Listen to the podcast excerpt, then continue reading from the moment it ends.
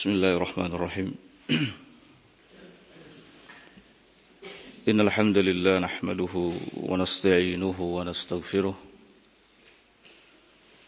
ونعوذ بالله من سرور أنفسنا وسيئات أعمالنا. من يهده الله فلا مضل له ومن يدلل فلا هادي له. أشهد أن لا إله إلا الله وحده لا شريك له وأشهد أن محمدا عبده ورسوله. يقول الله سبحانه وتعالى في كتابه الكريم يا أيها الذين آمنوا اتقوا الله حق تقاته ولا تموتن إلا وأنتم مسلمون. يا أيها الناس اتقوا ربكم الذي خلقكم من نفس واحدة وخلق منها زوجها وبث منهما رجالا كثيرا ونساء واتقوا الله الذي تساءلون به والأرحام إن الله كان عليكم رقيبا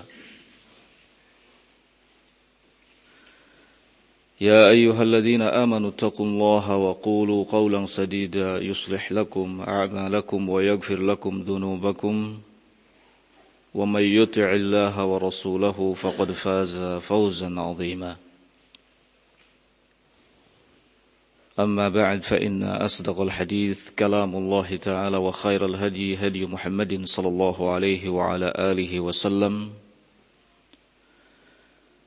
وشر الأمور محدثاتها فإن كل محدثة في دين الله بدعة وكل بدعة ضلالة وكل ضلالة في النار.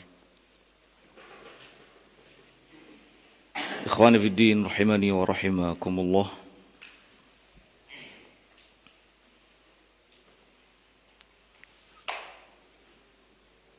Dalam hadis riwayat Bukhari dan Muslim dari sahabat Nu'man bin Bashir Rasulullah sallallahu alaihi wa ala alihi wasallam bersabda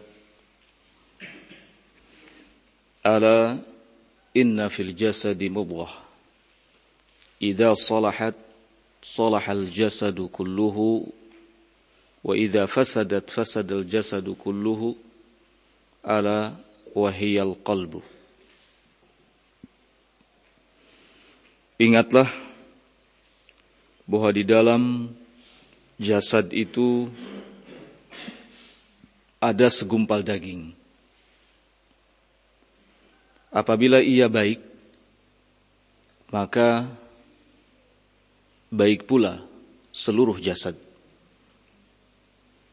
Dan apabila ia rusak, maka rusaklah seluruh jasad.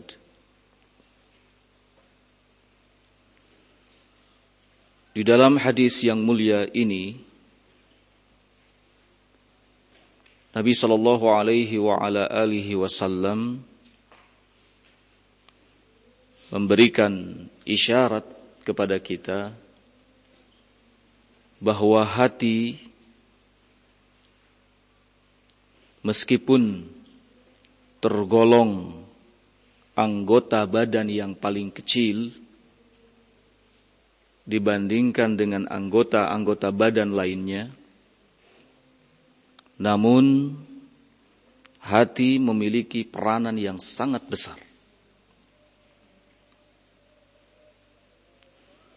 Di antara perkara-perkara yang menunjukkan betapa besarnya peranan hati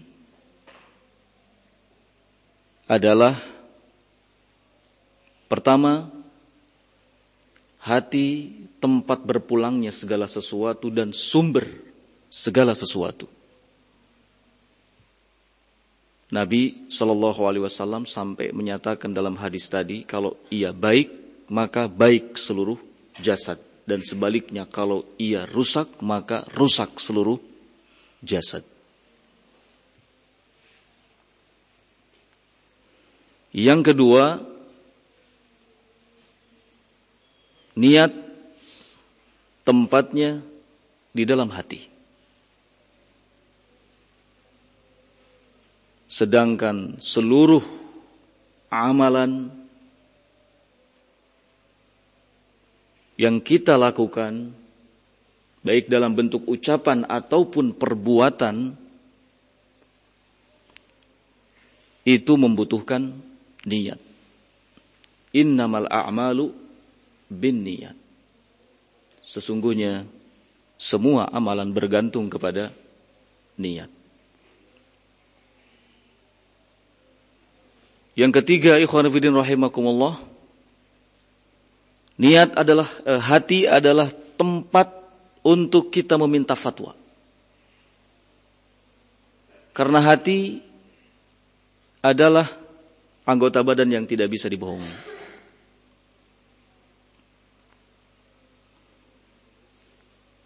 Nabi Shallallahu Alaihi Wasallam menyatakan, Al-birru husnul khuluq. Kebajikan itu adalah akhlak yang baik. Wal ithmu sedangkan dosa adalah mahaka fi sadrik. Wa taraddada ilaihi nafs. Dosa itu adalah sesuatu yang mengganggu dadamu dan membuat jiwamu ragu karenanya.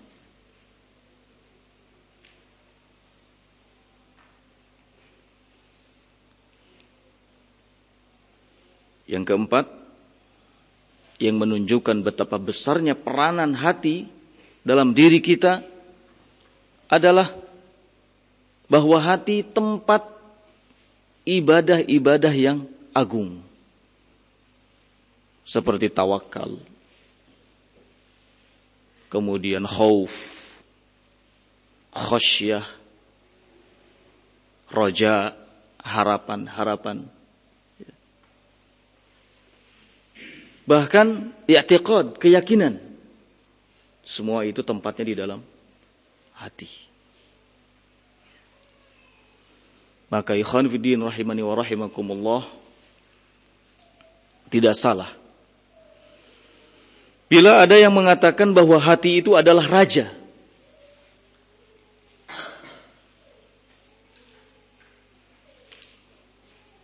Dan Sebagian para ulama pun mengatakan demikian. Hati adalah raja. Ya. Hati secara umum dibagi menjadi dua. Ada hati yang rusak dalam artian mati. Dan ada hati yang sehat dalam artian hidup.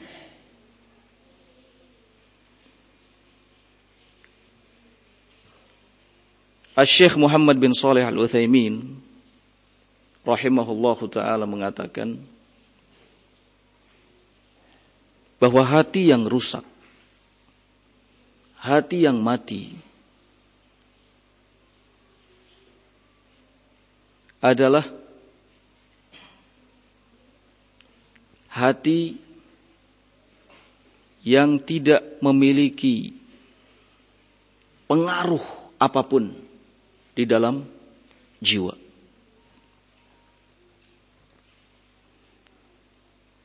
Hati yang setan pun tidak pernah mau peduli terhadapnya. Sampai-sampai ditanyakan kepada sahabat Ibnu Mas'ud dan Ibnu Abbas bahwasanya orang-orang Yahudi mereka mengatakan innahum la yuwaswisuna fi salatihim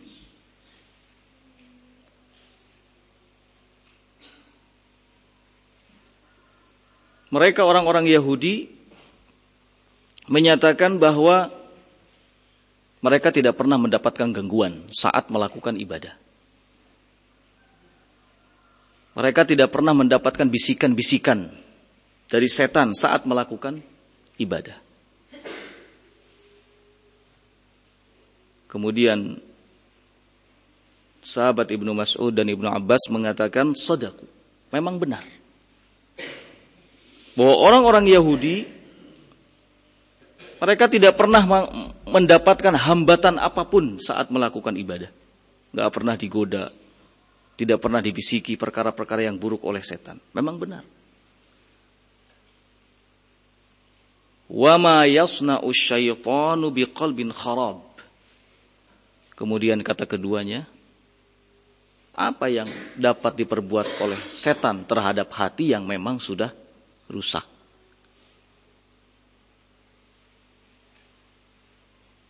Ini kondisi hati yang rusak atau hati yang mati.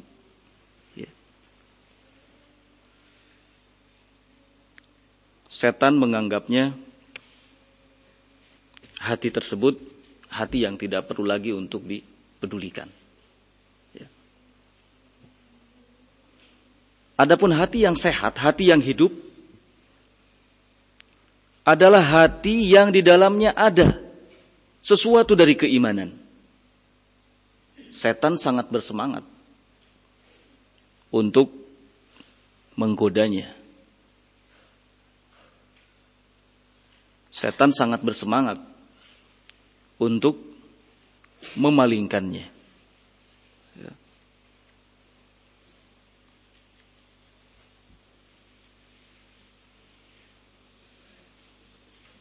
Dan godaan-godaan setan ini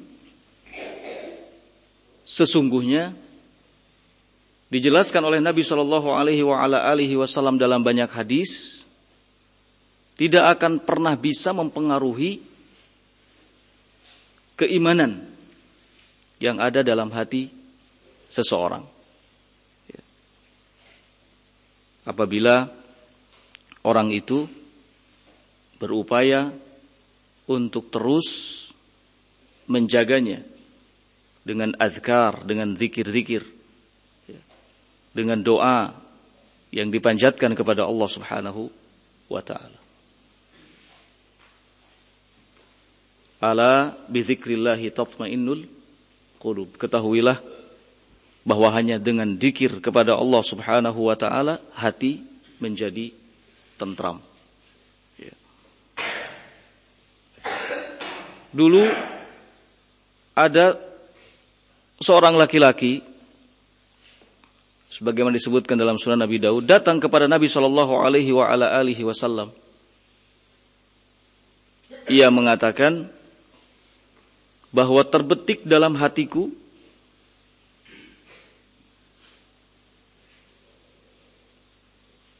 sesuatu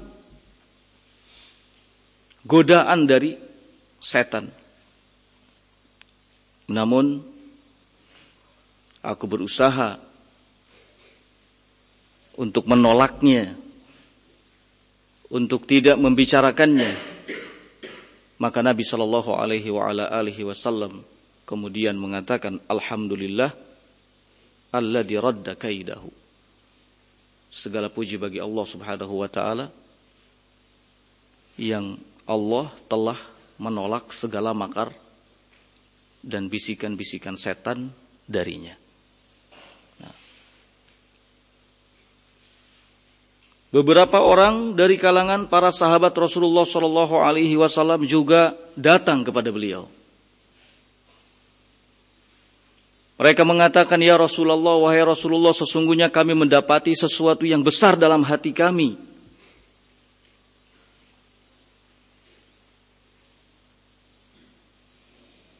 Dan kami merasa berat untuk mengungkapkannya. Rasulullah Shallallahu Alaihi Wasallam kemudian bertanya kepada mereka, tumuhu? Apakah kalian benar-benar mendapatkan hal tersebut dalam hati kalian? Maka para sahabat itu menjawab iya. Kata Rasulullah Shallallahu Alaihi Wasallam, "Zaka sarihul iman." Itu adalah kebenaran iman yang ada di dalam hati. Maka jangan pernah memiliki keyakinan bahwa hati yang sehat dan hati yang hidup itu adalah hati yang tidak akan pernah mendapatkan gangguan setan. Tidak. Ini keyakinan dan pemikiran yang salah. Justru hati yang sehat, hati yang hidup itu adalah hati yang akan selalu mendapatkan gangguan dari setan. Setan akan terus berupaya memalingkannya. Adapun hati yang tidak pernah mendapatkan gangguan dari setan adalah hati yang justru mati. Setan sudah tidak punya lagi kepentingan apa pun terhadap hati yang mati. Oleh karena itu di awal tadi dikatakan bahwa orang-orang Yahudi mereka merasa tidak mendapatkan hambatan, gangguan, bisikan apa pun dari setan saat mereka melakukan ibadah. Dan itu dibenarkan oleh sahabat Ibnu Mas'ud, oleh sahabat Ibnu Abbas. Karena setan tidak punya kepentingan apa pun terhadap hati yang memang sudah rusak atau mati. Ya. Di dalam hadis riwayat Bukhari dan Muslim Rasulullah Shallallahu Alaihi Wasallam bersabda, "Ya'ti syaitanu ahadakum." Setan akan datang kepada salah seorang di antara kalian. Fayaqulu kemudian setan akan melontarkan pertanyaan ke dalam hatinya. Man khalaqa kada? Man khalaqa kada? Siapa yang telah menciptakan ini? Siapa yang telah menciptakan ini? Sampai pada akhirnya muncul pertanyaan dalam diri seseorang, man khalaqa Rabbaka. Siapa yang telah menciptakan Robmu? Pertanyaan-pertanyaan ini ya, muncul dari setan di dalam hati seseorang. Siapa yang menciptakan ini? Siapa yang menciptakan ini? Sampai ditanyakan siapa yang menciptakan Allah. Kemudian kata Nabi Shallallahu Alaihi Wasallam, kalau sampai muncul pertanyaan seperti itu, maka fal yasta'id billah hendaknya dia meminta perlindungan kepada Allah Subhanahu wa taala. Atau dalam hadis lain, riwayat lain, Nabi Shallallahu Alaihi Wasallam mengatakan, "Fal yakul amantu billah wa rasulihi." Hendaknya dia mengucapkan, "Aku beriman kepada Allah dan kepada Rasulnya.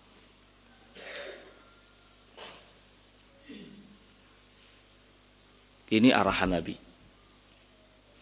Di dalam riwayat lain juga disebutkan Qulu kata Nabi Shallallahu alaihi wa ala alihi wasallam ucapkan oleh kalian Allahu Ahad, Allahu Samad, lam yalid wa lam yulad yakul lahu kufuwan ahad. Waliyatful an yasarihi thalathan sambil meludah sedikit ya, ke samping kirinya wal yasta'idz billah minasyaitonir rajim dan hendaknya dia meminta perlindungan kepada Allah dari setan yang terkutuk. Nah. Maka ikhwan fillah rahimani wa rahimakumullah Nabi Shallallahu Alaihi wa ala alihi Wasallam memberikan arahan setidaknya ada empat ya langkah yang bisa kita lakukan ketika hati kita mendapatkan gangguan atau bisikan setan. Yang pertama adalah al-isti'adzatu billah. Meminta perlindungan kepada Allah Subhanahu wa taala. Kemudian yang kedua mengucapkan amantu billah wa rasulihi aku beriman kepada Allah dan Rasulnya. Dan kemudian yang ketiga menolak dan tidak mengikuti segala macam bisikan bisikan yang tidak benar yang dirasakan di dalam hati. Anggap bisikan-bisikan itu tidak pernah ada sama sekali. Dan yang terakhir yang keempat, hendaknya mengucapkan Allahu Ahad, Allahu Samad, lam yalid wa lam yulad wa lam yakul lahu kufuwan ahad. Meludah sedikit ke samping kirinya tiga kali, kemudian mengucapkan a'udzubillah minasyaitonir rajim. Nah, itu empat langkah yang bisa kita lakukan dari bimbingan Nabi Shallallahu Alaihi Wasallam saat hati kita mendapatkan gangguan, godaan dan bisikan-bisikan ya dari syaitan. Nah. rahimani wa rahimakumullah. Semoga bermanfaat. Subhanakallahumma bihamdik. Asyhadu an la ilaha anta astaghfiruka wa atubu ilaik. Walhamdulillahi rabbil alamin.